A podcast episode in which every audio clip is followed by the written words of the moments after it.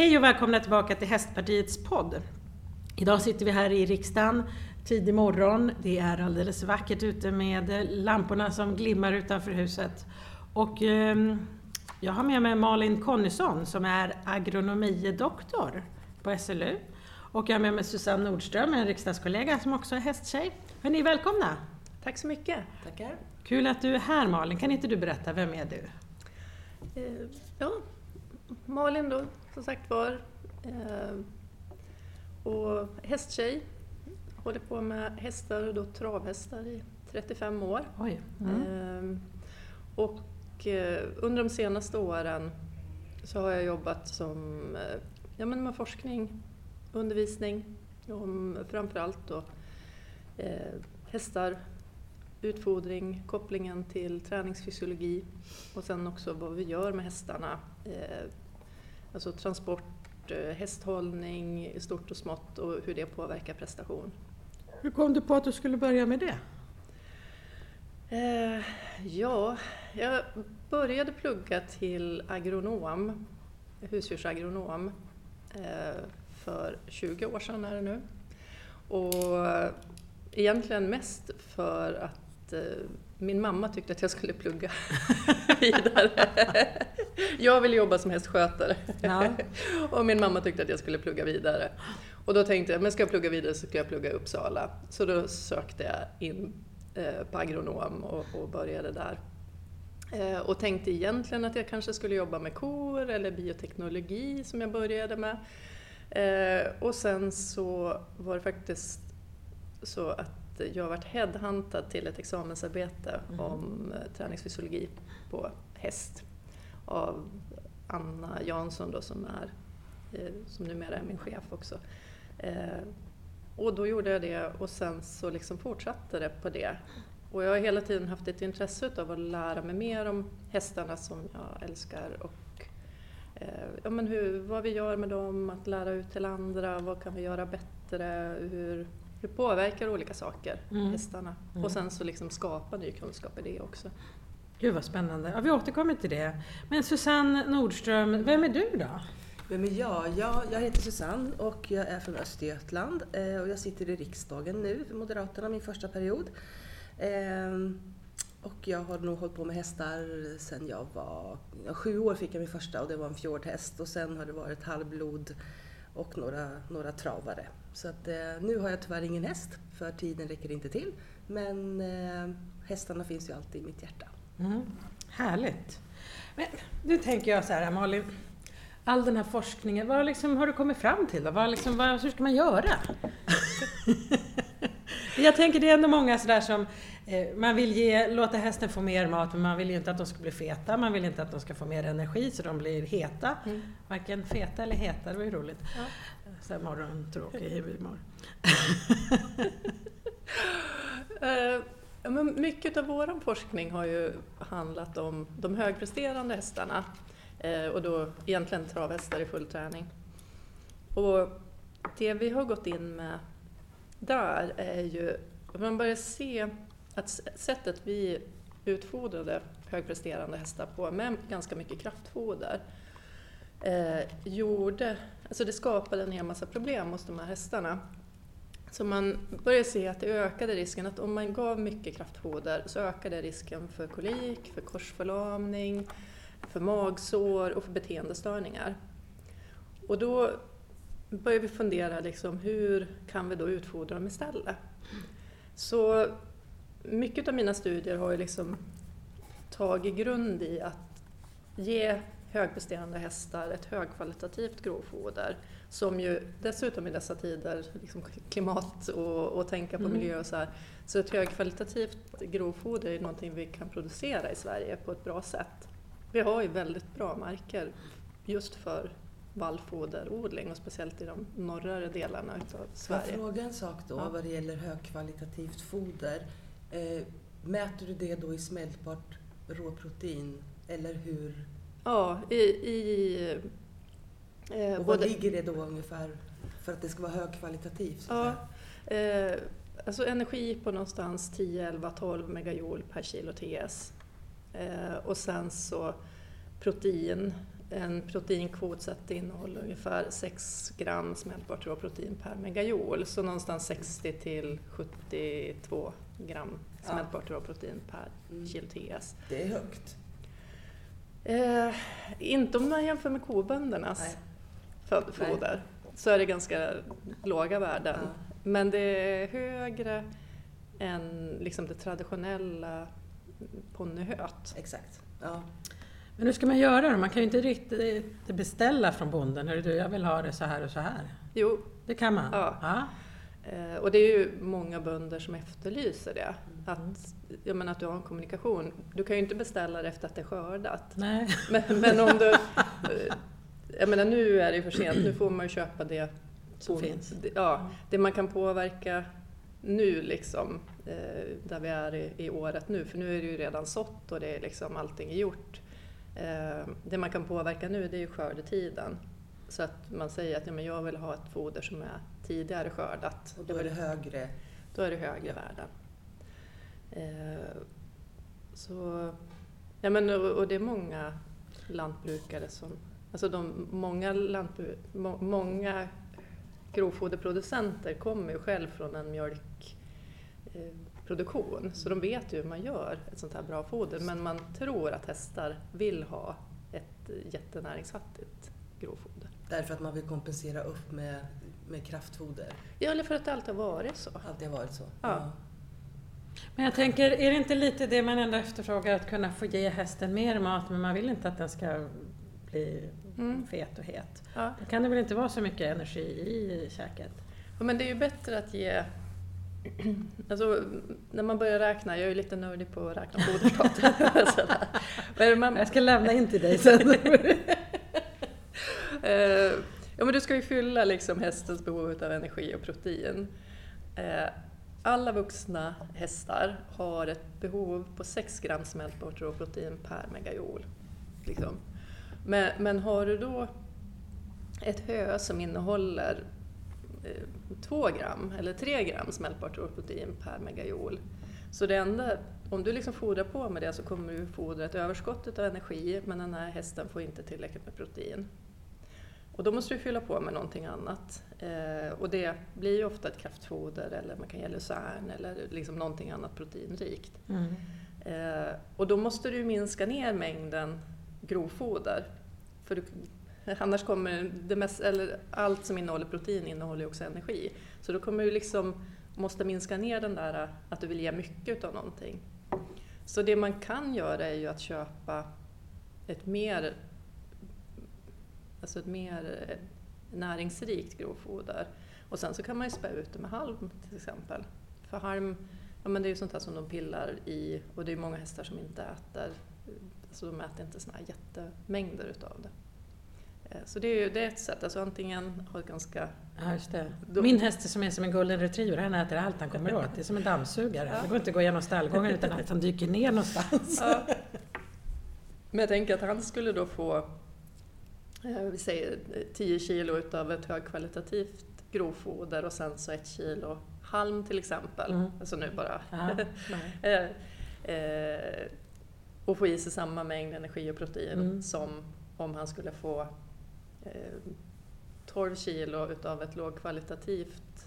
Ja, och sen Ja, så fick det. du dra ner det för att du måste ge eh, müsli eller någonting Mm, annat mm. för att trycka upp proteinet. Så att det är ju liksom, eh, man, man kan ju liksom laborera lite grann med att försöka få till så stor mängd foder som möjligt och dessutom ja, men som halm som eh, ja, men lite grann ett tidsfördriv för många hästar. Mm, mm. Men hur viktigt är det då egentligen det här med foderstat? Ett kilo hit eller ett kilo dit? Mm.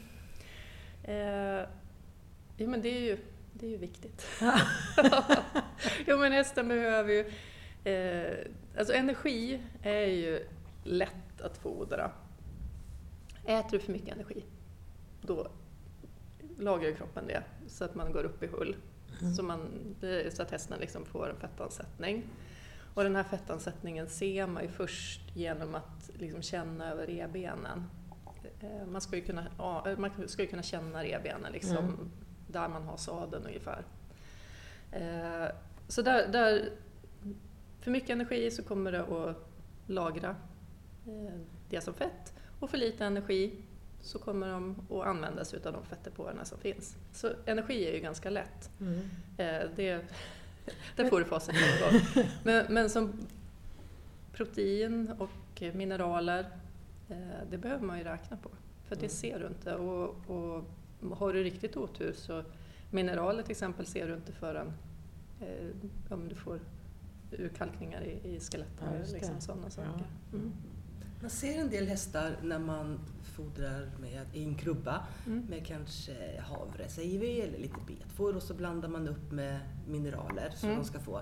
Och så står de där hästarna och äter och äter och sen när de är klara så tittar man, då ligger liksom alla mineraler kvar. Och då tänker man så här, aha, de kanske själva vet vad de behöver. Så att de eh, inte äter mineralerna därför att de har fått det kanske via att de har betat eller att de har fått ett högkvalitativt eh, grovfoder. Men har du sett detta att, att hästar lämnar, liksom, mineralerna ligger som cement Ja. längst ner? Eh, och så. Vad, vad är din, varför blir det så? Alltså smaklighet. Hästar känner inte av vad de själva behöver. Eh, Det enda som vi vet att de har en aptit för, det är salt, koksalt. Eh, Det letar de rätt på saltkällor liksom ute i naturen också. Eh, Men ja, och, och det är ju det som gör att saltsten liksom funkar till de flesta hästar. Som normalpresterande hästar så funkar ju saltsten som liksom saltkälla därför att de känner av att de har ett saltbehov. För högpresterande hästar, eh, travhästar, galopphästar, distanshästar, eh, hästar som svettas mycket, så behöver man ge extra salt i maten därför att där räcker inte, räcker inte ens det behovet. Kan de få i sig för mycket salt? Så länge de har vatten Ja, så är det inga bekymmer. okej. Det som kan bli är att de kissar ner väldigt mycket. Mm.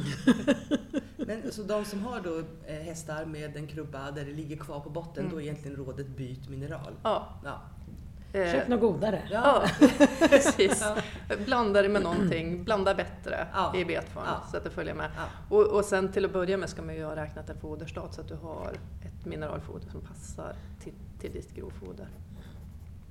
Så det är ju liksom första steget. Mm. Eh, Men, men där tycker jag att det har hänt mycket med smakligheten. Det här har ju... Har du provsmakat? Nej, inte det. eller- Pellets har jag, vanliga pellets har jag provsmakat men inte... Ja, nu fick jag så här, nu måste jag åka till stallet och provsmaka. Jag provsmakar allt. Ja. Gör du? Ja! Ja. ja men en del är ju ganska Ja. gott, det är lite salt Ja, ja, ja. ja. Men nu, nu är det ett tag sedan, men eh, jag tror, eller jag vet inte, min fråga är, går det trender i vilken typ av mineraler och extra elektrolyter eller biotin eller sådär man ska ge sina hästar? Eh, när jag höll på som mest så var det, då skulle ju alla ge hästarna biotin, till Mm. exempel för Mm. hovarna och Mm. så. Eh, hur ser det ut idag? Vad är populärt nu? Och behöver man ge det, är frågan. Eh, ja men det, det är jättemycket trender. Ja. Och det hänger ju väldigt mycket ihop med vilka hästar som presterar bra inom olika kategorier eller vilka tränare eller vilka ja, framgå, framstående tävlingsryttare, tävlingskuskar som använder sig av olika saker. Eh, och det korta svaret på om de behöver det är nej. Mm. Eh, och det jag tycker att man ska ha med sig, alltså eh, häst, räkna till en häst, kosta på en bra foderanalys, så skicka iväg ditt grovfoder på analys. En grovfoderanalys kostar mindre än vad de flesta tillskott gör. Så börja där liksom. Eh, att, att man eh, gör den här analysen och sen räknar på det. Eh, och sen så kan du, ofta så behöver de flesta hästar i Sverige behöver ju tillskott på mineraler och framförallt på selen. Eh, eftersom vi lever i ett selenfattigt land här i Sverige. Vad använder man, alltså varför behöver man selen? Eh, det, det behövs för liksom normal funktion i kroppen. Och eh, de får nästan som korsförlamningsliknande symptom. Eh, och kan få ja, ganska allvarligt sjuka med brist på selen. Och det som är då, sagt var i Sverige, det är att vi har nästan ingenting i våra marker. Nej. Så att det, Hur det, kommer det sig att det blivit så ur...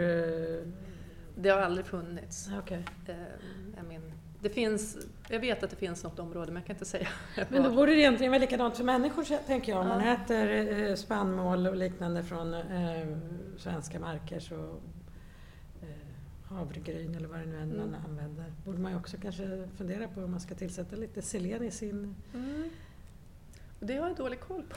Ja, ja det får bli en annan podd. Ja precis, det får bli en, någon dietist Ja. på människors sida. Men du, jag har en fråga. För du, du pratar ju här, och jag håller med helt och hållet, om vikten av att göra en, en vettig foderstat så att Mm. man liksom vill analysera så man vet vad sin häst ska äta. Men då finns det så himla mycket olika kategorier av hästar. Så jag tänker, vad skulle du säga, vilka parametrar måste man ha med när man ska göra sin foderstat? Liksom, jag- fattar ju ras, vikt Mm. på hästen såklart, Mm.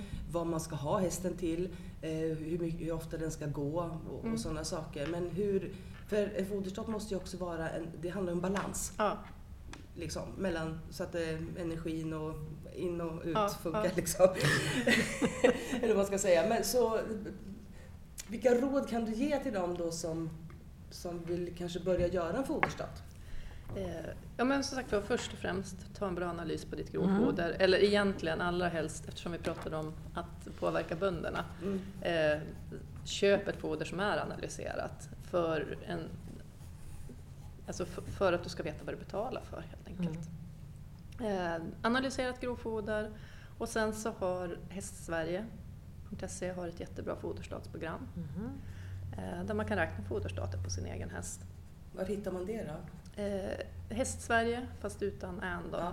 Hastsverige.se Ja, och där finns det ett foderstatsprogram Mm. som är gratis. det var jättebra. Ja. Ja. Så det är en bra början och sen så att försöka kontakta någon. Det finns ju oberoende foderrådgivare. Ja. Men man kommer väldigt, väldigt långt på Hästsverige. Då har jag en följdfråga. Ja. För när jag räknade foderstat så var det så himla viktigt att kalk och fosforkvoten var, nu kommer jag inte ens ihåg vad Ja. det skulle vara, men att den var tvungen att vara på ett visst Ja. sätt. Får man med det i den här eh, gratisvarianten så man ser det också? Och rekommendationer vilken kvot man ska ligga på? Ja, eh, man ska ju inte ligga under ett. Eh, så man ska inte ge... Eh, och sen så kan det vara en, alltså mellan... Idealet är mellan 1,2 och 1,8. Så var det. Eh, och hamnar man högre, en del marker i Sverige eh, har väldigt höga kalciumnivåer, till exempel Jämtland, Gotland. Så då kan du hamna väldigt högt eftersom du har mycket kalcium i ditt grovfoder. Men det verkar hästar hantera. Då är det värre om de får mer fosfor än, Mm. än kalcium. Men kan man kompensera med bara vanligt kalk och lägga i då om fosforen blir för hög? Ja, Ja. det, men de flesta grovfoder, foderstater, alltså har, ger man mycket grovfoder Så är Så- det lugnt. så ham- hamnar Ja, man oftast ja, i att man ger mer, mer kalcium än fosfor. För fosforen eh, finns mer i spannmålen generellt. Men om man nu har ehm, en fet häst Mm. Och nu gör man sin foderstat. Pratar du om din häst nu? Nej, han är inte fet. Men vi pratade tidigare om att det finns eh, ett ökat problem i Sverige med att hästar är lite för feta. Mm. Eh, Hur stort är det problemet? Eh, ja, jag borde ha några sådana här siffror i huvudet men det, det är ju ett växande problem Mm. har jag förstått. Nu är inte det riktigt, eftersom jag är mer liksom, travhästarna, jag Mm. kom in lite grann på det på islandshästarna. Men det är ju väldigt få travhästar som är eller blir överviktiga ever. Mm. Därför jag håller på med travhästar, för då kan jag fodra mycket. men, eh, nej, men det är ju ett växande problem och man ser ju liksom välfärdsproblemen kopplade till det med eh, insulinresistens på, många, eller på, på hästar och eh, fång, EMS. mm, Mm. en hel massa välfärdssjukdomar även på våra hästar. Men om man nu har den här feta hästen och så Mm. gör man sin foderstat, räcker det då att nu börjar vi göra om, men jag har den här eh, analysen, jag ska ge det här fodret, eller måste man göra något mer? Eh, nej men, alltså dels, det som är viktigt är ju att skatta arbete. Alltså, det finns ett par saker som ökar behovet utav näring. Det är ju arbete, träning, eh, dräktighet, tillväxt, eh, laktation, så att de är drivande. ett par saker som liksom ökar på det. Men att man skattar, och speciellt då träning tänker jag att det gäller framför allt, att man skattar sin träning rätt. Att man Mm. liksom eh, verkligen inte tar i för mycket. Och det är väl kanske en tendens att man tycker att min häst, ja men jag tränar, eh, jag tränar fem dagar i veckan. Och jag vet att jag räknar på det någon gång och då hamnar du på att du behöver ge, om man tränar sin häst, skrittar typ 30 minuter och travar 20 minuter per dag, fem dagar i veckan, så tror jag att det hamnar på 10-15 procent extra foder, liksom Mm. energibehov. Så det är ju ganska... Så, så det är liksom där, börja skatta träningen rätt, räkna foderstaten rätt eh, och sen hålla sig till den. Och är det så att hästarna fortfarande inte går ner i vikt så då behöver man ju liksom dra ner men att det också blir en balans i... Mm. Men så man kan ge mindre foder, man kan liksom banta hästen? Ja, Ja. det kan man. Men alltså det, man- det man slåss lite grann emot det är ju att hästar, eh, hästar som lever i det fria har man ju sett att de äter någonstans mellan 18 och 14 timmar per dygn. Äter och söker föda. Eh, det är ju inte som vår hästhållning ser ut idag där vi serverar maten i sina boxar eller i, i sina utestall eller vars de nu är. Så vi, liksom, vi, vi pytsar ut det framför dem. Eh, och det är väl det man liksom tampas lite grann, att man har ett djur som är gjort för att äta. Så det är deras hobby, det är det de gör, det är det de håller på med hela, hela tiden. Deras Eh, hobby, det var lätt jättekul. ja, jo, men det... det, Jag tror att det är min hobby också. vi, vi är ju inte riktigt... eh, Det är ju inte matsöket Nej. som är det vi gör. Man tänker 18 timmar per dygn och sen ska man sova en timme och sen så är det lite... Alltså det är inte så många timmar kvar. Nej. Men hur ska vi kunna göra det bättre för hästen då? då? Om du fick bestämma ute i hagen, liksom, hur, eller boxen, för hästhållningen och maten. Liksom. Eh, Ja, men... Träna mer. Ja.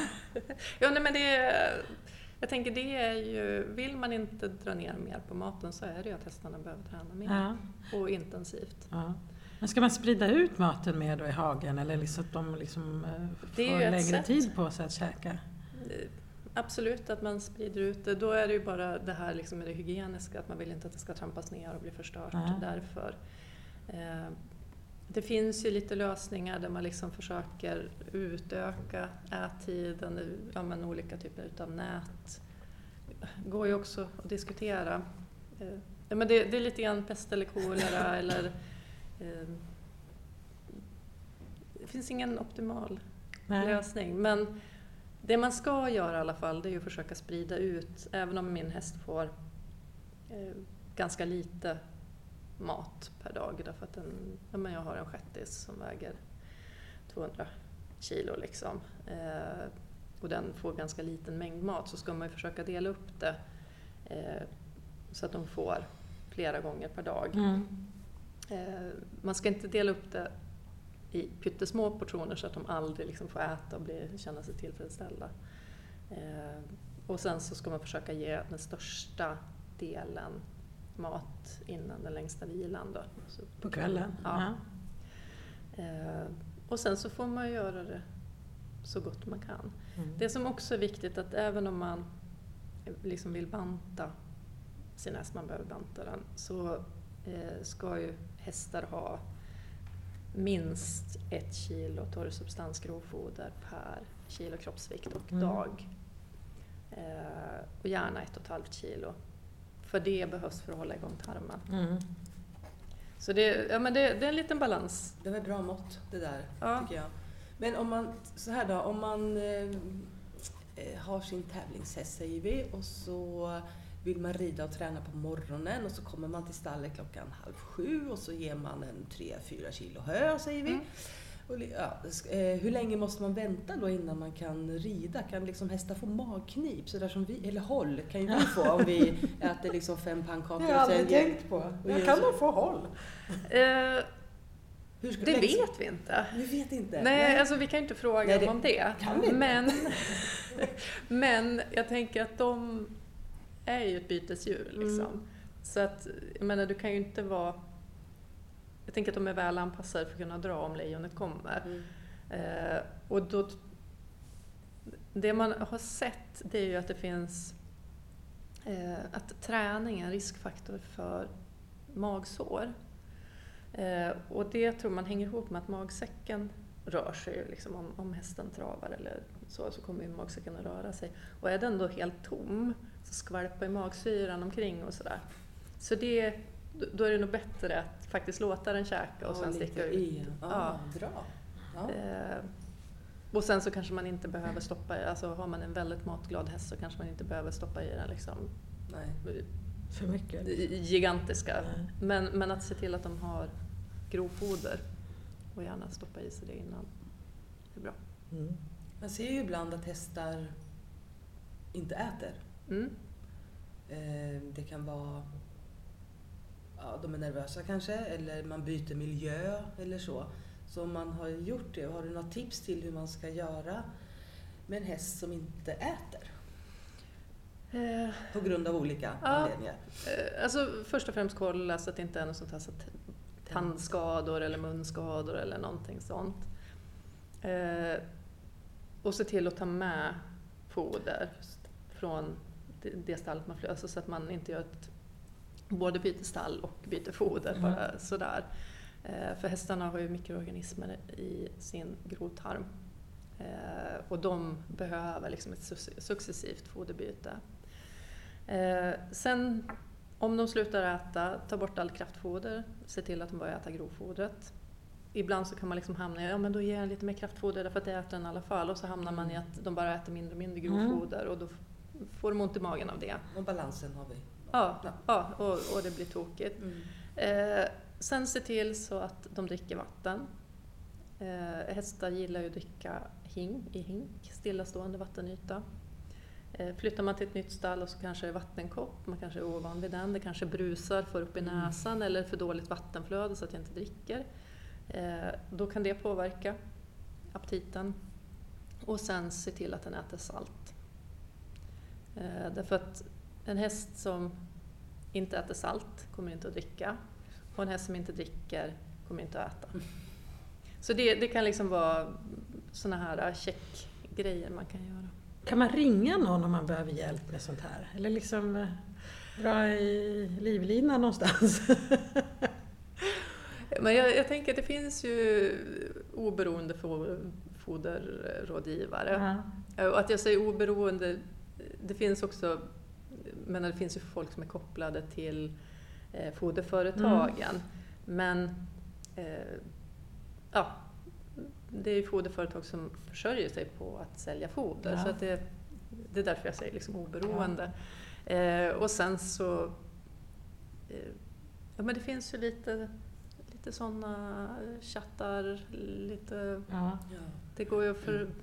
ehm, går ju att eh, ja, men mejla, mejla en forskare. Ja, mejla en forskare kan man göra. Skriva i någon grupp på Facebook. Ja, Ge om hjälp. Ja. ja. Ja, vad spännande. Vad mycket. Men du, jag måste fråga, är det du eller någon annan som har forskat på det här och ger hästar vass? ja. Det är du?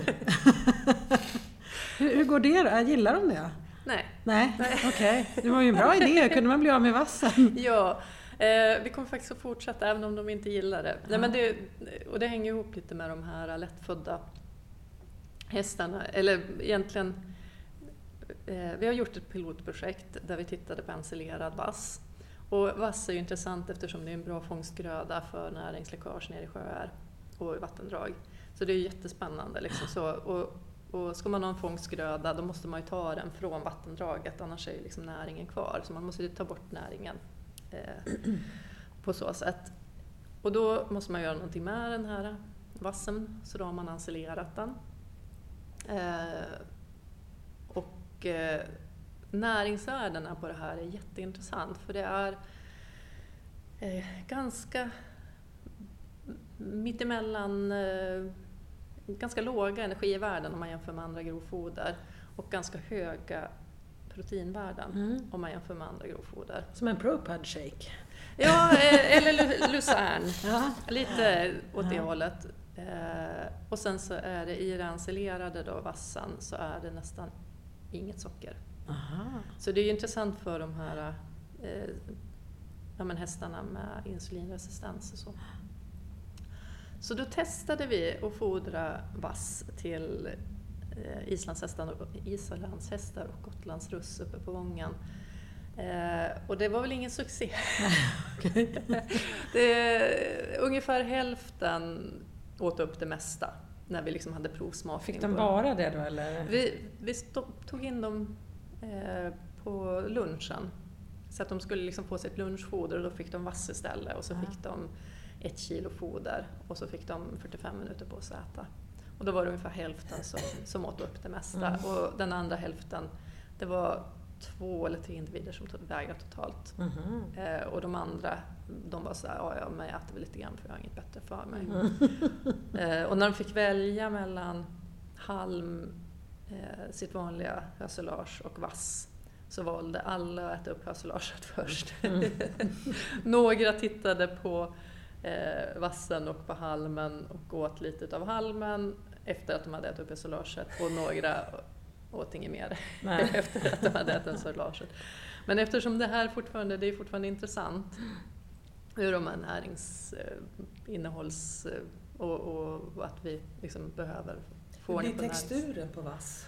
Men som, när den är ensilerad så den ser väldigt trevlig ut. Och Ja. väldigt, jag tyckte att Och den så, luktar gott? och- luktar jättegott, Ja. ser väldigt smaklig ut. De kanske behöver lite salt. De hästarna behöver ha salt i sig. Ja, men alltså någonting, vi behöver nog smaksätta den. För att krydda Ja, lite salt där.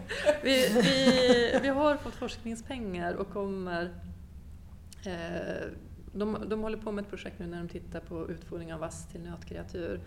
Och under nästa år planerar vi att fortsätta och, och fodra vass till islandshästar. Ja. Mm. Jaha, vad spännande. Det skulle ju vara roligt att prova faktiskt till- pollen. Så Ja. Han som äter allt liksom. Ja. Han skulle äta vass. Ja, jo, men vi varit lite förvånade för men islandshästar och gotlandsruss är ju ganska... Lätt. Ja, men de Ja. äter ju allt. Fast jag har sett det, vi står ju bland bara islandshästar nu med våran häst. Mm. Eh, eller ja, det är tre stora hästar. Islandshästarna äter väldigt långsamt. Ja, kanske Det tar jättelång tid för dem att äta upp. Och så de här tre stora är som eh, hungriga stövare. Ja. Bara slurpar i sig maten. Ja, det var bara en reflektion jag gjorde. Men hörru du, det finns ju mycket man kan göra inom hästnäringen. Nu sitter vi här i riksdagen, ibland kommer det hit någon minister som sitter här på andra sidan vattnet och, och har bestämt någonting. Om du vore minister och kunde ansvara för hästnäringen, vad skulle du bestämma då för att förbättra för Sveriges hästnäring? Mm. Ja, Men det, det var en jättebra fråga. Eh, nej men det är väl ja, men lite grann det fortsatta arbetet att ta hästnäringen på allvar. Att det är en stor, en stor näring. Vi försörjer väldigt många människor. Eh, man har otroligt stora möjligheter inom hästnäringen. Ja, Men, eh, meningsfulla jobb, eh, jobba med hästar, jobba med djur.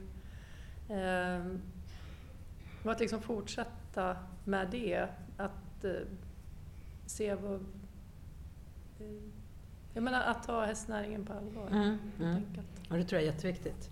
Att även myndigheter gör det eh, Ja. på sikt. Jag tänker Skatteverket Ja. och liknande så att man eh, verkligen kan det bedriva företag inom hästnäringen. Ja, precis. Jag menar att det, det är en, en verksamhet på riktigt. Det är Mm. inte någonting liksom... Eh, ingen hobby bara. nej, inte fjuniga rosa eh, fluff på Mm. små ponnysar Mm. utan det är en hel näring och det...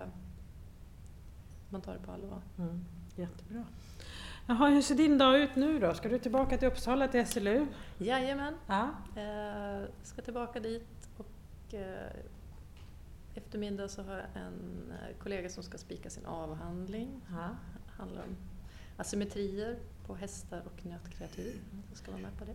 Men vad gör ni liksom om dagarna? Du är agronomidoktor. Sitter man och liksom läser massa eller skriver massa eller vad liksom, hur Ja. funkar det? Eh, och, och förutom för agronomidoktor, det är ju liksom min, att jag har forskat och disputerat och sen så jobbar jag som universitetsadjunkt, så jag är ju universitetslärare. Så att jag undervisar eh, alla, alla de längre programmen på SLU. Så jag och Ja. undervisar Där är det veterinärutbildning och agronomutbildning. Ja. Ja. Eh, och vi har ett antal kandidatprogram nu också. Mm. Och djursjukskötarna. Ja. ja. Jag har ju varit på SLU en gång, men jag tror vi måste åka dit igen. Ja. Eller Susanne? Absolut. Ja, det var jättespännande ja. att se mera. det finns väldigt mycket spännande där. Ja. Ja. Om du fick välja helt fritt och du fick hur mycket pengar som helst som du behövde för att forska, vad skulle du välja att forska på då? Eh, ja, nej, men jag skulle vilja fortsätta att forska på travhästar. Eh, jag brinner ju ganska mycket för det här med träningsfysiologi och liksom lära oss mer om eh, träning och dess effekter på hästar. Jag tycker att vi eh, Ja, men om man jämför med vad som händer på idrottssidan, alltså träningsfysiologi på människa, mm. där ju liksom antalet universitet i Sverige som håller på med träningsfysiologi på människa är ju typ fler än personer som håller på med träningsfysiologi på häst. Trots att vi liksom har näring som mm. Eh, ja, men faktiskt håller på ganska mycket. Och tittar vi på travet galoppen där vi tränar eh, alltså högpresterande atleter så vi behöver lära oss mer. Mm. Och, ja, men, titta mer på effekter av uppvärmning, titta mer på markörer för ja, men hur ska vi märka hästarna... Alltså, när man är elitidrottare mm. så tränar man ju på gränsen. Liksom. Men på humansidan så, så håller man ju på att vara ganska duktig på liksom, ja, men man, man, jobbar mycket med att fånga upp det innan det blir skador. Mm. Men på hästsidan så behöver vi hitta bättre verktyg. För på något vis när hästen är skadad eller när den, alltså, när den är halt på riktigt eller mm. skadad eller liksom, då har vi ju redan då har vi passerat ja, tröskeln. Då, då, ska vi ju då hålla på med rehabträning istället för att fånga upp det här. Ja, men nu behöver den ha en extra vilodag. Nu behöver mm. det, för, för hästarna behöver ju träna på det de ska göra, så det är ju inte mm. det. Men vi behöver bli bättre också på att kunna fånga upp det här innan det går på tok. Så det skulle jag vilja mm. jobba mer med. Det tror jag Häst-Sverige verkligen skulle vilja ha, för man vill ju inte ha skadade hästar. Det är ungefär det tråkigaste som finns. Ja. ja. Ja, men då hoppas vi att det, det kommer gå, gå vägen då i framtiden. ja, ja. Det, på ett eller annat sätt. Ja. ja. Men du Malin, stort tack för att du kom hit. Jag tyckte det här var jättespännande att få lära mig mer om foderhållning. Eller vad säger du Susanne? Det var väldigt spännande ja. och lärorikt och mycket bra tips. Ja. Ska jag säga. Så tack för att ni kom och eh, nästa vecka så blir det naturligtvis ett eh, nytt spännande avsnitt av Hästpartiets podd. Ha det gott! Detsamma.